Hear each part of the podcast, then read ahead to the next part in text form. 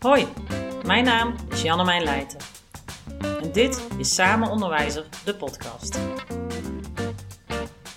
De podcast waarin ik iedere aflevering met een collega in gesprek ga over hoe inspirerend die persoon is. Wat hem of haar inspireert en wat eigenlijk nog inspirerend onderwijs is. En kun je eigenlijk wel inspirerend onderwijs verzorgen ten tijde van corona? Ik ben benieuwd. We gaan op onderzoek uit. Gaan jullie met me mee? Ik denk dat het eigenlijk hetzelfde is of je nou volwassen bent of student bent. Of je nou een studiekeuze maakt of dat je eh, een keuze maakt uh, dat je om je heen wil gaan kijken. Dat je, wel hè, dat je denkt van zit ik nog op de juiste plek of wat wil ik. Uh, dat het heel erg gaat om dat je een explorerende keuze maakt. Dus dat je, dat je ook echt ergens langs gaat en gaat ervaren wat het is om op een andere plek te zitten. Hmm, yeah. Dus hetzelfde bij als je, je kunt wel kiezen voor een, voor een MBO-studie. Maar op het moment dat jij daar nog niet uh, meegelopen hebt, of nog eens niet een dagje hebt meegelopen binnen dat beroep, dan is het denk ik meer geluk dat je goed kiest dan dat het wijsheid is. En ik denk dat je dat echt ja, moet ervaren. Hoi, mijn naam is Jannemijn Leijten en dit is een nieuwe aflevering van de podcast Samen Onderwijzer. Tegenover mij zit Judith. Judith, vertel eens, wie ben jij? Ja, ik ben uh, Judith, Judith Aarts. En uh, ik werk bij Curio sinds 11 jaar nu. En sinds dit jaar, sinds begin dit jaar, ben ik verbonden aan de succesklas. Ja, en daarnaast, uh, nou ja, eigenlijk voordat ik naar de succesklas ging, heb ik lang les gegeven bij de opleiding secretarieel. Dat heet nu Office Mhm. Management. Ik ben ook nog eventjes teamvoorzitter geweest bij Sales en Marketing.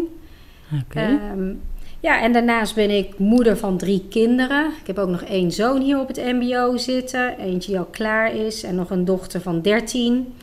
Ja, en ik ben getrouwd met, uh, met Lodewijk en wij wonen in Breda. Nou, dat is al een mooi compleet plaatje. Hey, er vallen mij wel een paar dingen op. Dat vind ik al leuk. Je hebt een zoon op het MBO en Ja, nog een klopt. dochter. Ook toevallig op het VMBO, want het is natuurlijk podcast voor beroepsonderwijs. Of zit zij. eh, Nee, mijn jongste dochter die zit nu in de brugklas van de Nassau TTO. Oké, Ja, dus Ja, die ja. zit hier niet. oké. Hey, en dan heb je een zoon in het MBO. Dus dan, jij ziet nu ook eh, van de andere kant het beroepsonderwijs. Niet alleen als docent, maar ook als moeder. Ja, Zit daar een groot verschil tussen? Oeh, eh, ja, je rol is anders. Dus ik vind het altijd wel interessant, want mijn oudste dochter zat ook op het MBO, dus daar begon ik het al een beetje te volgen. En ik denk wel dat ik, eh, ik sinds dat een van de kinderen hier ook zat, dat ik wel toch wel anders ook naar mijn rol ging kijken en toch ook wel ja, beide kanten meer aanvoelde of zag. Kan je er voor mij iets, eh, een voorbeeld, voorbeeld van geven of iets verduidelijken? Nou, ik weet even een, een heel klein voorbeeldje. Ik weet nog dat ehm, bij de eh, eerste schooldag bijvoorbeeld, dan deden wij eigenlijk altijd, ik weet niet of dat nu nog wordt gedaan, maar dan kwamen de studenten altijd naar school. En dan werd er ook een foto van ze gemaakt voor hun Mhm. pasje, was dat Ja, eh, hè, ja, toen nog. En ja. dan moesten ze echt hier op locatie werd een, eh, een foto gemaakt. En dat was voor mij gewoon een heel praktisch iets van, hè, Ja. allemaal even op de foto.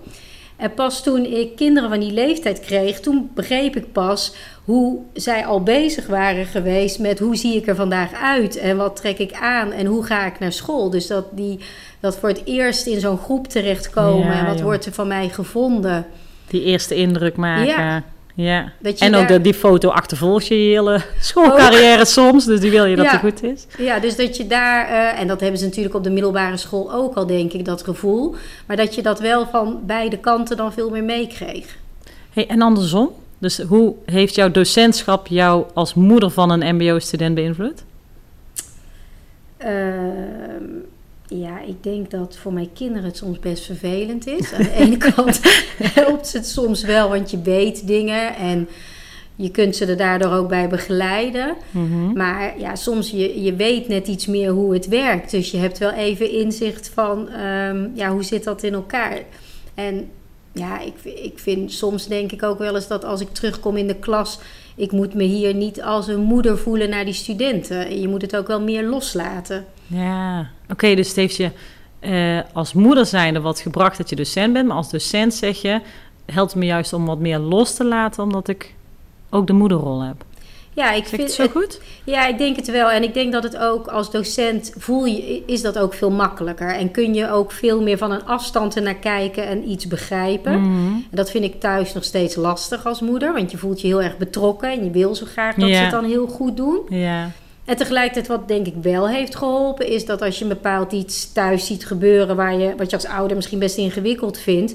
dat je op school dat ook continu terugziet. Dus dat je ziet van ja, hè, dit is gedrag wat heel erg Ja. bij deze tijd hoort... of bij, bij het adolescent zijn hoort. ja, precies. Dus het kan je ook een soort van geruststellend Ja. gevoel geven over... oh, mijn kind eh, is niet anders of niet raar, want dit gebeurt heel veel. Ja, zeker. Ja. Nou, mooi.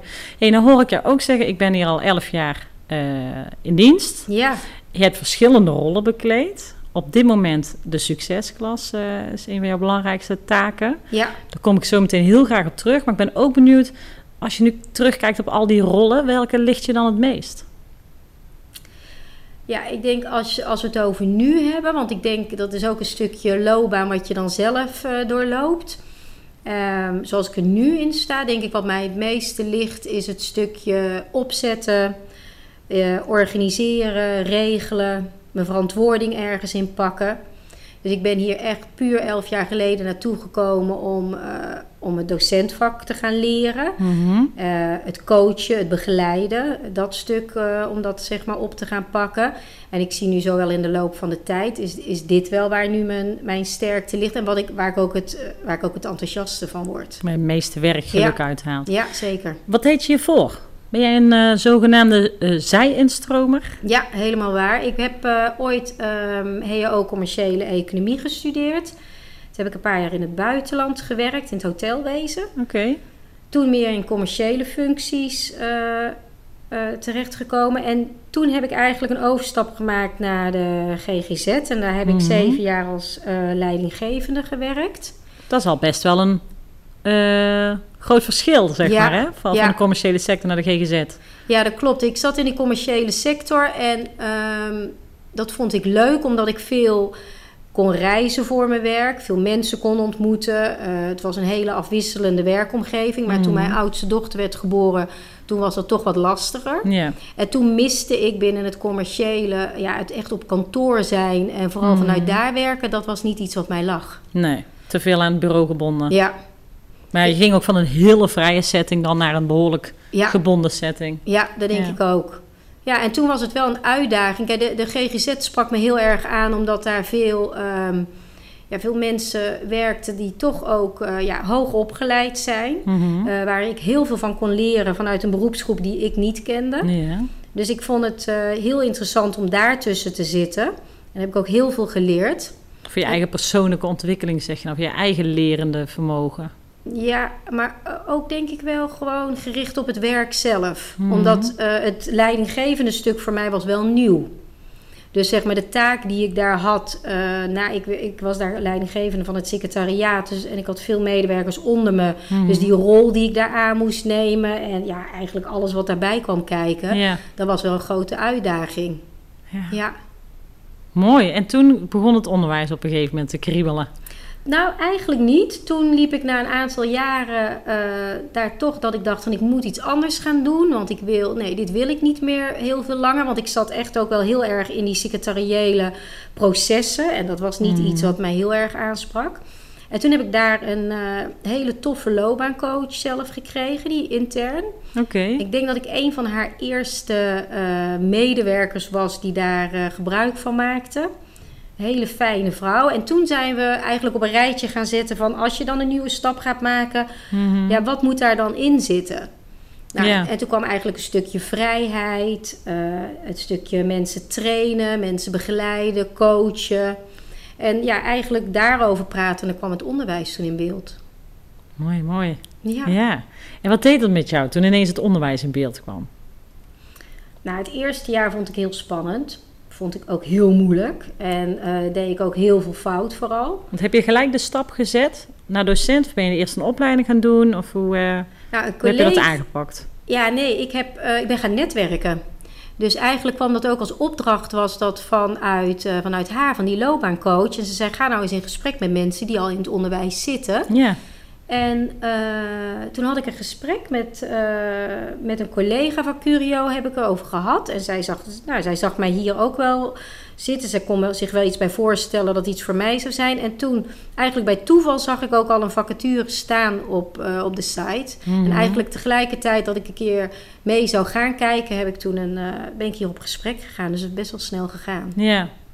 En dan kom je zo- zonder onderwijservaring, zonder onderwijspapieren als science stroom het onderwijs binnen. Ja, Eh, nou, dat is natuurlijk een enorme ehm, eh, stap, maar ook voor het beroepsonderwijs enorm waardevol, hè, science strooms. Want juist die mensen die eh, het werkveld hebben ervaren waar je voor gaat opleiden, zijn natuurlijk ontzettend fijn om erbij te hebben. Ehm, hoe ging dat proces? Want je zei al, het eerste jaar was met vallen en opstaan, mag ik me Ja, zo samenvatten? ja ik denk ehm, wat ik heel pittig vond in het, eerst, in het begin was het klassenmanagement. Hè, van Ja. Hoe ga je nou met zo'n klas om? Het is wel echt een vak apart, hè? Een vak apart. En Ja. ik was echt gewend om trainingen te geven voor psychiaters, psychologen, et cetera. Maar dit was echt iets heel anders. Ik vond dit veel ingewikkelder. Ja, en tegelijkertijd eh, om de inhoud, om daarop in te gaan en mee te geven, ja, dat, dat ken je. Dus daar kun je wel voorbeelden van geven. En ja, dat was bekend. En ook als het om BPV ging of om die vakken. Op dat Ja. gebied kon je putten uit je ervaring. Ja, dat denk ik wel. Ja. Ja. En als het dan gaat om pedagogiek, didactiek, klassenmanagement, daar lag de uitdaging. Daar lag echt de uitdaging en ik vond dat ook heel lastig. Want ik had altijd wel gedacht van, nou, je wordt een soort van ingewerkt door collega's. Maar het was, het was Ja. toch een beetje vooral vallen en opstaan. Dus ik weet wel dat ik toen ik die PDG ging doen... ja, PDG is een eh, pedagogisch didactisch getuigschrift. Ja, hè? Dat ja. niet- ik moet even opletten met afkortingen. Dat is niet voor iedereen bekend. Ja, Ja, dus ga je een aantekening halen dat je bevoegd bent om eh, les te geven. ja, ja, daar vond ik, eh, ik vond dat heel fijn. En dat ik ook echt wel dingen op zijn plaats vielen dat ik dacht, oh ja, zo zit dat. Mm. En zo kan ik dat gaan doen. En nee, dat vond ik heel prettig. Bij mij duurde het ook even voordat ik die kon gaan doen. Ik weet ook niet wat er de reden voor was, maar nee, dat had ik zeker nodig. Ja. Ja, en dat werd aangeboden vanuit de werkgever. ja, Of vereist misschien wel, maar dan ook geboden vanuit de ja werkgever. beide denk ik. Ja. Ja. Nou, fijn. Hey, Oké, dit is een hele tijd eh, docentschap. Ik hoorde je nog iets van teamvoorzitterschap eh, benoemen. Ja. ja, dat was een paar jaar geleden dat ik wel dacht van ik moet nu toch echt eens kijken van ehm, ja, blijf ik bij dit team of ga ik iets anders doen? Ik zat bij een heel prettig team, een, een heel gestructureerd team. En dat vond ik heel prettig toen de kinderen ook nog wat kleiner waren. En dat gaf een Mhm. soort van rust, omdat eh, mijn man die reist best veel. Dus eh, nou, dat was wel fijn. Ja. En toen kwam eigenlijk die vraag voor teamvoorzitter sales en marketing. En ja, ik ben heel blij dat ik dat gedaan heb, want Dat dat was dus een ander team, hè? was een ander team. Ja, ja. was een groot team wat eigenlijk gesplitst werd. En eh, dat heb ik toen opgepakt. Ja, dat, dat was een hele andere rol die ik daar heb aangenomen. Ja, Wat was het grootste verschil? Want de gemiddelde teamvoorzitter is ook nog wel docent. ja ik was nog een heel klein beetje docent, maar echt maar een aantal uren. Ehm, ja, dat je met heel veel verschillende rollen bezig was. En ik denk dat de samenstelling van het team was anders. Er zaten een aantal docenten in die hier al langer werkten, maar best Mhm. veel nieuwe docenten. En mijn rol in het team waar ik vandaan kwam, waren docenten die hier al jaren zaten, ook al jaren docent geweest waren. Dus dat, ehm, daar was ik meer de zij-instromer die de praktijk binnenbracht. En binnen dat nieuwe team was ik juist degene die het onderwijs al kende. En die met mensen uit de praktijk te maken kreeg. Ja. Ja, Ja. mooi hoe snel dat dan kan gaan. Ja, Hey, en nu ben je betrokken bij de succesklas. Of niet betrokken. ja, Je bent veel meer dan betrokken volgens mij. Je bent projectleider, zeg ik dat ja, goed? ja, ik heb eigenlijk wel eh, de, de, de, de succesklas. Ik heb, het idee is eh, gekomen eigenlijk, niet, eh, niet van mij hoor. Dat is vanuit de organisatie zelf gekomen. En dat is ehm, omdat het al een bestaand project eh, was in onder andere Nijmegen. Daar wordt het denk ik al zeven jaar, bieden ze het daar aan. Een College had het al, dus Mhm. meerdere opleidingen. En toen is, eh, vorig jaar ben ik er een jaar tussenuit gegaan, omdat we een jaar in het buitenland hebben gewoond. En toen ik terug zou komen, heb ik aangegeven dat ik heel graag eh, ook eens iets anders wilde doen, of misschien een project. En toen is dit project op mijn pad gekomen, dus dat was, eh, ja, dat is heel tof. Ja, joh, je begint te stralen als je erover Ja? vertelt. Het is Ja. leuk om te zien. Ja, Vertel, wat is de succesklas? Succesklas is een eh, traject voor studenten die al ingeschreven staan bij Curio Ofwel bij een andere MBO-school, maar die wel hier in de regio wonen. Mhm. Want het wordt, er wordt betaald uit regiomiddelen nu nog steeds. Oké, dus niet per se curio gebonden. Nee, Oké, ja? nee, precies. Maar eigenlijk de studenten die we tot nu toe hier hebben, komen wel vanuit Curio. Oké. Ehm, dat zijn studenten die hier in de eerste of in de tweede eh, zaten of zitten en die uitvallen. Om welke reden dan ook. Hè, er zijn veel studenten zijn door corona uitgevallen, dat ze toch te moeilijk vonden om vanuit thuis het onderwijs te volgen. Ofwel eh, bepaalde problematiek die er speelde, maar ook gewoon een verkeerde studiekeuze. Ja. En eh, die worden op een bepaald moment aangemeld bij mij. Eh, ik doe die intake dan met de student. Ja. En eh, dan geven we duidelijk aan wat het inhoudt. Nou ja, wat houdt het in? Het is eigenlijk een traject van 10 weken. Ja. Waarin je drie dagen naar school gaat en twee dagen stage loopt. Ja. We hebben een stagebedrijf wat we zelf hebben opgezet via Pennet. Dus eigenlijk een soort virtueel stagebedrijf. Oké, ik wil zeggen wat spannend, maar dat is een digitaal platform? of? Ja, dat is eigenlijk een digitaal platform. Het is verbonden aan Stichting Praktijkleren. Oké. Dus je zet eigenlijk een bedrijf op en daar zit ook een praktijkopleider hebben we daarvoor aangenomen. Dus Ja. een heel, eh, het is echt een commercieel iemand die ook zelf, Steven Dame, die ook een aantal bedrijven zelf heeft. Echt uit het werkveld? Echt uit het praktijk, werkveld, ja. Ze gaan daar ook naartoe en dat zit ook niet hier op school. Dus eh, ze Mhm. gaan ook echt naar stage. En ehm, daar zitten ze, ze alle, alle werkzaamheden die ze doen, dat zijn ook echte werkzaamheden. En tegelijkertijd, ehm, ze kunnen fouten maken, omdat het toch een virtueel bedrijf is. Ja, precies. Het heeft geen directe consequenties. Niet Nee. direct tastbare consequenties. Exact, ja. En eh, nou, in die drie dagen dat ze naar school gaan, ehm, zitten ze, het, uiteindelijk kunnen ze diplomeren op niveau 2. Ja.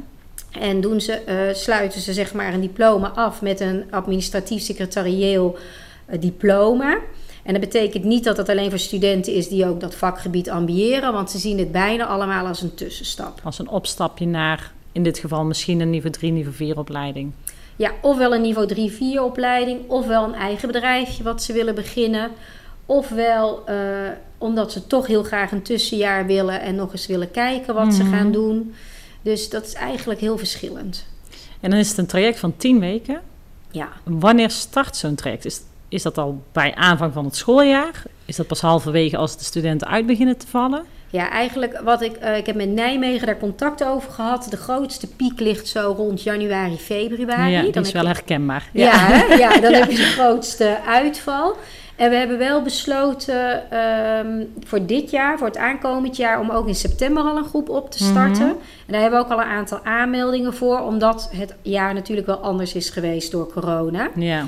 En dan kijken we natuurlijk wel heel voorzichtig van, ja, wie, wie, wie past er dan in die groep? Want je hebt natuurlijk ook de mogelijkheid om een gewone niveau 3 of 4 opleiding nog te beginnen. ja, je kunt ook gewoon opnieuw starten. Ja. Exact. Dus dan heb je, daar kijk je wel van voor wie is dit dan een eh, geschikt traject. Maar de, de grote instroom, of de, ja, de, de meeste aanmeldingen kregen we denk ik eh, ja, zo rond januari, februari, maart Ja. afgelopen jaar. Dus we hebben nu de, de tweede groep zit er nu. ja, de tweede groep van, deze, van dit schooljaar. Van dit schooljaar. Want Ja? ik heb eigenlijk van We zitten september... nu eventjes in eh, eind juni. Ja, Hè, 23 Ja. juni is vandaag. Ja. ja. Ja. en eigenlijk vanuit, vanaf september tot januari hebben we, eh, of heb ik het hele traject opgezet. En vanaf januari zijn we met een groep van start gegaan. eh, de docenten die daaraan verbonden zijn Mhm. en dus de praktijkopleider. En eh, is de eerste groep gestart. En over wat voor samenstelling spreken we dan als je het hebt over zo'n groep? Ja, we kunnen maximaal in één groep 14 studenten plaatsen. Ja? En dat komt eigenlijk omdat het stagebedrijf, daar kunnen we niet met meer dan 14 eh, studenten aan het werk momenteel. En dan komen er heel veel studenten vanuit zorg en welzijn die kant. Eh, veel vanuit economiecollege, sector economie en ondernemen. Even kijken. En nog wat minder vanuit ehm, de technische opleidingen. Mhm. Dus je, eh, en ja, vanuit, vanuit het voormalige Prinsentuin. Ik zit even Ja, het voedsel, groen en gasvrijheid. Exact. Daar heb ik ook al wel wat studenten van. Ja, en je ziet vooral de, de zorgcoördinatoren of de trajectbegeleiders waar je al, die jou al weten te vinden, waar we wat meer mee samenwerken, die melden Ja. de studenten aan. Wat is de ambitie? Moet het bij 14 studenten per groep blijven? Twee groepen in een schooljaar? Ja, we hebben de, uh, nog wel uitgesproken dat voor het komend schooljaar dat we dat nog wel zo aanhouden. En dat uh, het komende schooljaar is het laatste schooljaar dat het vanuit de subsidie is waarschijnlijk. Mm -hmm. En dan zullen we goed moeten kijken van kunnen we dit en willen we dit groter maken dan wat we nu aanbieden. Ik ja. weet wel dat andere scholen dat wel doen. Dat zij nog veel meer studenten op, en vooral in die piekmomenten hebben zitten. Dus dat ze op dat moment wel grotere klassen aanbieden. En tegelijkertijd denk ik dat het ook heel belangrijk is dat we heel goed blijven kijken. Dat uh, het niet per se om gaat hoe groot worden we, maar welke student bedienen we hierbij? En welke student heeft hier echt wat aan? Want ik vind persoonlijk dat het stukje studiekeuzebegeleiding wat erin zit, of loopbaanbegeleiding, is wel een hele belangrijke. Mm. Is het, wel, is het zo dat, dat studenten hier alleen kunnen komen op het moment dat ze uitvallen? Ja. Ze kunnen geen gebruik maken van het project als, het gewoon nog niet, als ze in het VMBO zitten nee. en gewoon niet weten wat ze willen. Nee. Het is echt puur uitval. Het is ja. echt puur uitval. En ik denk dat dat ook heel goed is, want het is, um, het is een heel kort traject en het biedt zeker iets. Maar ik geloof er tegelijkertijd in dat als jij als student echt een niveau 3 of 4 opleiding begint, waar jij meerdere jaren zit en waar jij meerdere stages loopt, mm. dat vormt jou ook. Ja, als in persoonlijkheidsvorming ja. doet het wellicht meer dan uh, ja, in tien weken traject. Ja. ja. En er zijn er best wel veel initiatieven, hè? ook binnen onze organisatie. Um, wat is voor jou, wat, wat maakt dit traject zo uniek? Of waarom gaat dit toekomst hebben, denk jij? Ja, goede vraag. Um, waarom is dit zo? Ja, het, het, is vrij uniek dat het een kort traject is. Mm -hmm. En ik, ik denk wat ik ook van studenten terugkrijg, is als ik ze vraag van waarom kom je nu wel naar school en waarom ben je nu wel gemotiveerd, dat het toch wel is dat ze zeggen dat het een kort traject is. Ja, en je sluit het af met een diploma. Exact. Ja, ja. precies. Want we hebben wel meer korte trajecten, maar dat is veel meer studiekeuzebegeleiding of ja. loopbaanbegeleiding. Ja. ja. Uh, maar dat zit. En dan begin je inderdaad bijvoorbeeld in september, als je het weet, met een nieuwe opleiding. Ja. En nu diplomeer je ook, waardoor je ook voldoet aan je startkwalificatie met een MBO niveau 2 diploma. Dat is wat de studenten heel fijn vinden. Dus dat geeft hun een vrijheid daarnaast. Een vrijheid van kiezen. Um, en ik denk inderdaad, het, geeft, het, het, is een diploma, maar ik, ik denk ook wel dat echt, um, als we ook binnen andere opleidingen zouden kunnen kijken, dat je soms al delen afsluit. En dat, uh, dat het soms wat korter is en wat overzichtelijk is, dat dat wel iets is wat jongeren momenteel aanspreekt. Ja. ja, dus dat zeg je eigenlijk als je het hebt over goed onderwijs. Ja. Dan zou je wat meer willen flexibiliseren, wat meer concreet maken, kortere trajecten aanbieden? Ja, ik denk, ik denk wat ik van ze terugkrijg, dat het wel iets is wat studenten heel graag willen. En ja. ja wat, wat, wat, wat wel motiverend werkt. En hoe zie jij dat dan weer als docent? Denk jij ook dat dat is wat uh, werkt? Dus dat de behoefte er is? Oké. Okay. Is dat denk je ook wat het de oplossing biedt? Ja, ik denk, ik, ik, als ik zeg maar naar de huidige um, opleidingen kijk, is het nog best ingewikkeld om het zo in elkaar te zetten. Ik zie mm. daar meer de uitdaging liggen. Maar het lijkt mij bijvoorbeeld heel fijn als je 16 of 17 bent en je gaat een keuze maken en je zou de mogelijkheid hebben om kortere trajecten te kiezen en iets af te ronden. En misschien wel na een jaar eruit te komen van, achter te komen van nou, ik heb nu wel dat administratieve stuk gedaan, maar nu wil ik toch liever richting social work of iets commercieels gaan doen. En, en je zou dat kunnen doen. Ja, lijkt mij heel fijn. Ze komen toch ook wel licht bij, nou ja, stap je naar het competentiegericht of de onderwijs, talentenpaspoort. Hè, ja, is natuurlijk, ja, absoluut. Waar veel over gesproken wordt op dit moment. Dus niet kijken naar volledige curricula, maar eerder naar wat heeft de student aan behoefte en wat kunnen we daarin bieden? Ja. Wat dat betreft heb je natuurlijk in zo'n grote organisatie als, nou ja, hier Curio, maar ook een Summa, ook een uh, Nijmegen, ook een uh, uh, RSC Midden-Brabant. dat is een groot voordeel natuurlijk van zo'n grote scholengemeenschap, dat het theoretisch gezien mogelijk is. Het zou mogelijk moeten zijn, hè? Ja. Ja, ja je zegt het mooi, het zou mogelijk moeten zijn. Praktijken maakt het nog wel eens lastig. Hey, wat is voor jou, um, uh, ik hoor jou ook echt wel met enthousiasme vertellen over je volgende stappen. Ik zei al, je begint te stralen als je het hebt over de succesklas. Ja. Mag ik daaruit concluderen dat je op dit moment werkgeluk ervaart? Ja, dat denk ik wel. Ja, dat, uh, nee, dat, uh, ik, ik, ben, ik ben ook altijd wel iemand die heel erg uh, op zoek is naar werkgeluk. En op het mm -hmm. moment dat ik dat niet meer ervaar, dan, uh, kom ik wel in beweging. En dan eh, ga ik vaak ofwel een opleiding erbij doen waar ik bepaalde energie of inspiratie uit krijg. Of ehm, ik ga wel in gesprek met mensen waardoor ik weer een stap ga maken. Ja. En ehm, ja, dus dat, dat is wel iets wat me altijd bezighoudt en waar ik altijd wel zoekende naar ben. Nou is deze podcast ook echt bedoeld voor, voor onze collega's in het beroepsonderwijs door het hele land. Om daar uh, elkaar mee te inspireren. Maar zeker ook voor die mogelijke zijinstromer. Die het misschien wel leuk vindt, nou, zoals jij zelf, uh, om het onderwijs in te gaan. Wat zou je tegen die collega's of mogelijke toekomstige collega's willen zeggen als het gaat om dat stukje werkgeluk? Heb je daar een tip in? En bedoel je dan werkgeluk op het gebied uh, wanneer je in het onderwijs werkt? Of? Nou ja, jij geeft daarvan voor jou werkt het op dat moment ja. inderdaad uh, om bijvoorbeeld een opleiding te gaan volgen of een andere stap te maken. Um, kijk, 40 jaar bij dezelfde baas werken of hetzelfde blijven doen is niet helemaal meer van deze tijd nee, wellicht. Nee. Maar toch zijn er altijd momenten in leven waarom, wanneer het spannend is om een andere stap te maken. Um, wat, zou je, wat zou je mensen ja. mee willen geven? Ja, ik denk, uh, ik denk dat het eigenlijk hetzelfde is of je nou volwassen bent of student bent. Of je nou een studiekeuze maakt of dat je uh, een keuze maakt uh, dat je om je heen wil gaan kijken. Dat je, wel eens, hè, dat je denkt van zit ik nog op de juiste plek of wat wil ik. Uh, dat het heel erg gaat om dat je een explorerende keuze maakt. Dus dat je, dat je ook echt ergens langs gaat en gaat ervaren wat het is om op een andere plek te zitten. Hmm, yeah. Dus hetzelfde bij als je, je kunt wel kiezen voor een, voor een MBO-studie. Maar op het moment dat jij daar nog niet uh, meegelopen hebt, of nog eens niet een dagje hebt meegelopen binnen dat beroep, dan is het denk ik meer geluk dat je goed kiest dan dat het wijsheid is. En ik denk dat je dat echt ja, moet ervaren. En dus ik denk, als ik nu naar mezelf kijk, of naar die collega's die erover nadenken die uh, misschien wel naar het onderwijs willen, ga gewoon eens, ga eens mee. Neem eens contact op met iemand in je omgeving, zit vast wel binnen dat onderwijs. Of. Hè, of je vindt wel, je, je, vindt altijd, denk ik, je netwerk is altijd groter dan je denkt. Ja, dat is ook zo. En ga, ga, ga het eens exploreren. En als, als je ervaart dat dat net niet is, dan kom je vanaf daar vaak wel weer in contact met iemand anders die je wel weer op weg ja. helpt. Ja. ja, en dan kan het ook nog eens in de verschillende. Uh, onderwijsrichtingen ook een groot verschil zijn. Hè? Onderwijsvormen, onderwijsrichtingen, onderwijssectoren. Zeker. Ja, ja. Nou, bij deze dan een open oproep. Hè? Judith Aarts op LinkedIn. Jan en mij Leijten. Weet ons te vinden. Ja, precies. Wij zijn er altijd voor open om met je mee te denken. Absoluut, heel ja. leuk. Ja. Hey, ik wil jou heel hartelijk bedanken voor dit gesprek. Ik vind het sowieso heel tof om wat meer te horen over die succesklas. Want ik hoorde het begrip al zoomen in de organisatie. Dus dat oh, is heel, heel leuk. goed.